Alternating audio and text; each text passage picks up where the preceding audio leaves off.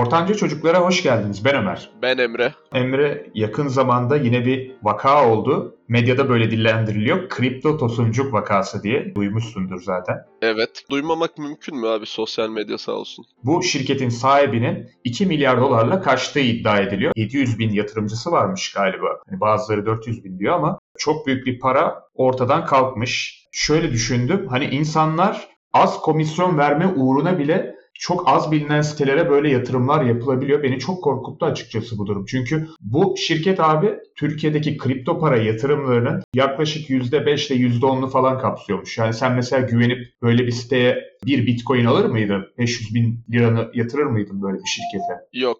Ama bunun sebebi şundan dolayı hani ben Çiftlik Bank vakasını da canlı izlemiş bir insanım. Bundan önce de hani Jet Fadıl, Titancılar, 900'lü hatlar bunları gördükten sonra insan ve hani bilmiyorum podcast'te yayınlanmış mıydı? Kaydını aldık ama yayınlamadık galiba. Ben abi Saadet Zinciri toplantısına iş ararken davet evet. edilmiş bir insanım. Saadet Zinciri'nin nasıl insanların beynini yıkadığını birinci elden gördüm. Ondan dolayı ben zaten böyle bir param olsa kesinlikle Türkiye bazlı bir yatırım yapmayı düşünmem. Veya en azından Türkiye'den çıkmış bir siteyi düşünmem. Çünkü hani bir köken yok. Baktığın zaman abi hani bu işe Türk halkı daha yeni girmiş tamam mı? Ve belli yani birileri güvenini sağlayacak bu insanların ve ondan sonra vurgun yapacak. A, Çiftlik Bank da aynısı oldu. İnsanlar hiç mi ya şüphelenmiyor? Ya biz buraya yatırım yapıyoruz, hayvanlar büyüyor falan tarzı salak saçma böyle bir açıklaması vardı. Ve insanlar gerçekten hani bir şekilde kazandıkları parayı buraya yatırdı sonra dolandırıldı. Hem Çiftlik Bank hem Todex mağduru olan var mı acaba? İkisine birden parayı kattı.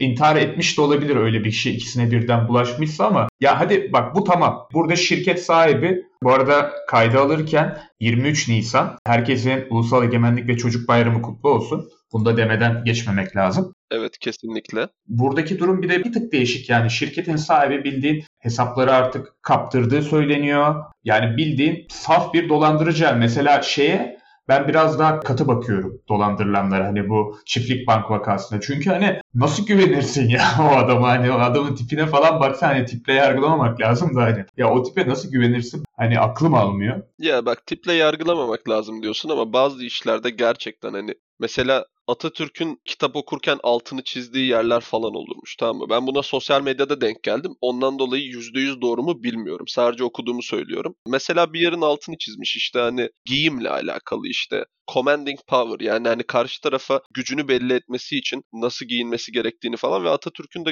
hani genel olarak böyle hiç pijamalı falan fotoğrafı zaten doğru düzgün görmezsin. Hani hep böyle şıktır. İnsanlara güven aşılar. Ya çiftlik banktaki o çocuğun yani gerçekten kimseye güven aşılamadığı aşikar belli. Çünkü hani net bir şekilde şeye benziyor. LoL hesabına ortak girip sonradan e-mailini değiştiren çocuklara benziyor. Hani ve insanlar da o kadar yatırım yaptı ve çocuk ondan sonra dal geçer gibi bir sonraki bayram herkese 100 lira falan yollamıştı. Çok kral hareketti hani. Harika Aslında. bir hareketti o. Türkiye'de yeni bir sektöre yatırım yapmaktan her zaman korkarım. Mesela bak bunun sosyal örneğini vereyim. Şimdi biz sosyal medyayı daha çok takip eden genç insanlar olduğumuz için. Mesela Twitch'i biliyorsun. Evet. Dünyadaki en büyük yayın platformu. Rakipleri çıktığı zaman mesela Mixer'dan falan önce bu. Türkiye'de de bir tane versiyonu çıktı tamam mı? Hani ve burada izlendikçe falan oranın böyle bir kripto parası gibi bir coin'i gibi bir şey kazanıyordun ve bu coin'i oyunlarda işte Riot Points vesaire falan almak için kullanabiliyordun. Ondan dolayı bir ara herkes işte buraya mı geçsek falan filan yaptı. Geçenler oldu ondan sonra bir iki ay sonra geri döndüler. Çünkü platform tutmadı. Türkiye teknolojiyle çok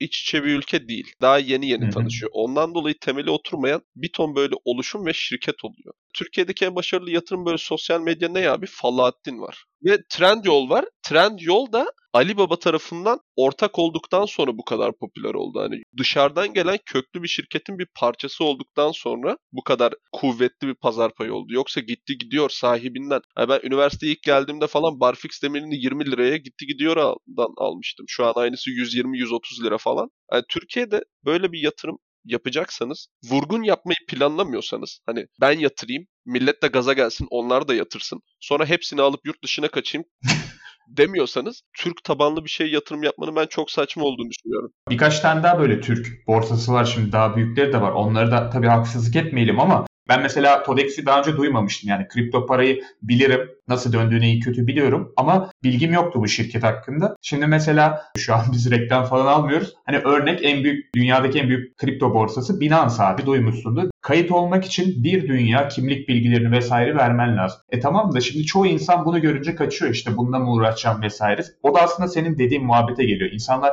internetten uzak olduğu için mesela en azından dil bilemediği için orada onunla uğraşmak istemiyor. O kaydı yapmak istemiyor. Gerçi Türkçe şey de var ama İnsanlar uzak abi internet muhabbetlerine. Bundan dolayı da hemen daha kolay bir şekilde yatırım yapabileceği işlere bir de bazı insanlar da yerli milli hastası. Mesela konuyu da değiştirmek istemem ama değişik bir istatistik vardı. Sadece yerli aşı olurum diyenlerin oranı Türkiye'de %30'muş. Yani bu durumun vehametini gösteriyor. Çok garip bir olay gerçekten. Yani hani eğer mortalite oranı da yani bu hastalıktan dolayı hayat kaybetme oranı da %30 olursa kötü bir gösterge olacak dolaylı olarak. Türkiye çok hevesli bir ülke. İnsanlar bir şey yapıp böyle kalkınmak istiyor ama... Bak hemen herkes para kazanmaya çalıştı. Şimdi sadece Todex için falan söylemiyorum. Herkes şimdi kriptoyu duyuyor. Aa işte Dogecoin %400 kar yapmış falan. 100 lirayla girenin 1500 lirası olmuş. Tamam sen girdin mi? Girmediysen hiç bunu söylemene bile gerek yok. Hani herkes hızlı paranın yani çabuk ve kolay paranın herkes tutkunu. Buna bizi de katabilirsin yani. Kim kolay parayı sevmez elbette ama bizde değişik bir ona dair bir çekim var kolay bir şekilde para kazanayım. Evet. Ya da internetten bir şekilde para kazanayım falan. Ama işte bu bazen böyle ters tepebiliyor. Ben yine de çiftlik bank mağdurları kadar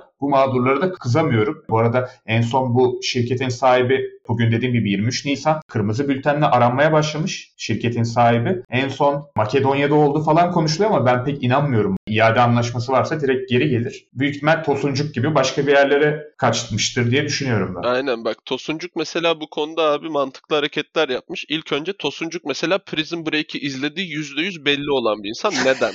Çünkü Tosuncuk vurgunu yapmadan bir yıl önce Panama'dan mı Arjantin'den mi ne vatandaşlık alıyor ve Prison Break'i izleyenler bilir. Onlar da ya Panama ya Arjantin'e kaçıyor çünkü Amerika ile suçlu iadesi yok. Ve suçlu iadesi mantığını hani Türkiye'de hukuk okuyanlar hariç bilenler sadece Prison Break izleyenlerdir. Artık tabii çiftlik bank mağdurları da biliyor da aslında yani yanlış bir örnek olacak ama Tosuncuk ülkede nasıl vurgun yapılabileceğinin aslında bir temel böyle bir şemasını gösterdi insanlara. Ve aslında şunu da gösterdi. Bir insan vurgun yaparsa Türkiye'de nasıl yapabilir gösterdi. Yatırımcıya da vurgun yapılmasını istemiyorsanız ve halka da aslında hani biraz dikkatli düşünürseniz bak böyle şeyler diyen insanlar büyük ihtimalle vurgun yapacaktırı göstermiş olması lazım. Ama Türk insanı kısa süreli hafızası olan insanlardır. Uzun süreli hafızaları olmaz. Günümüzde zaten bir ton örneğini görüyoruz. Evet. Yine unutulup gider. O Tosuncuk da bu şirketin sahibi de bunların hepsi zamanı gelecek. Hani hafif bir şekilde Jet Fadıl gibi falan anacağız. Böyle hani tatlı bir ana olacak hepsi. Çünkü yıllar geçtikçe daha böyle hani şey olacak. Ya da diyecekler ki adam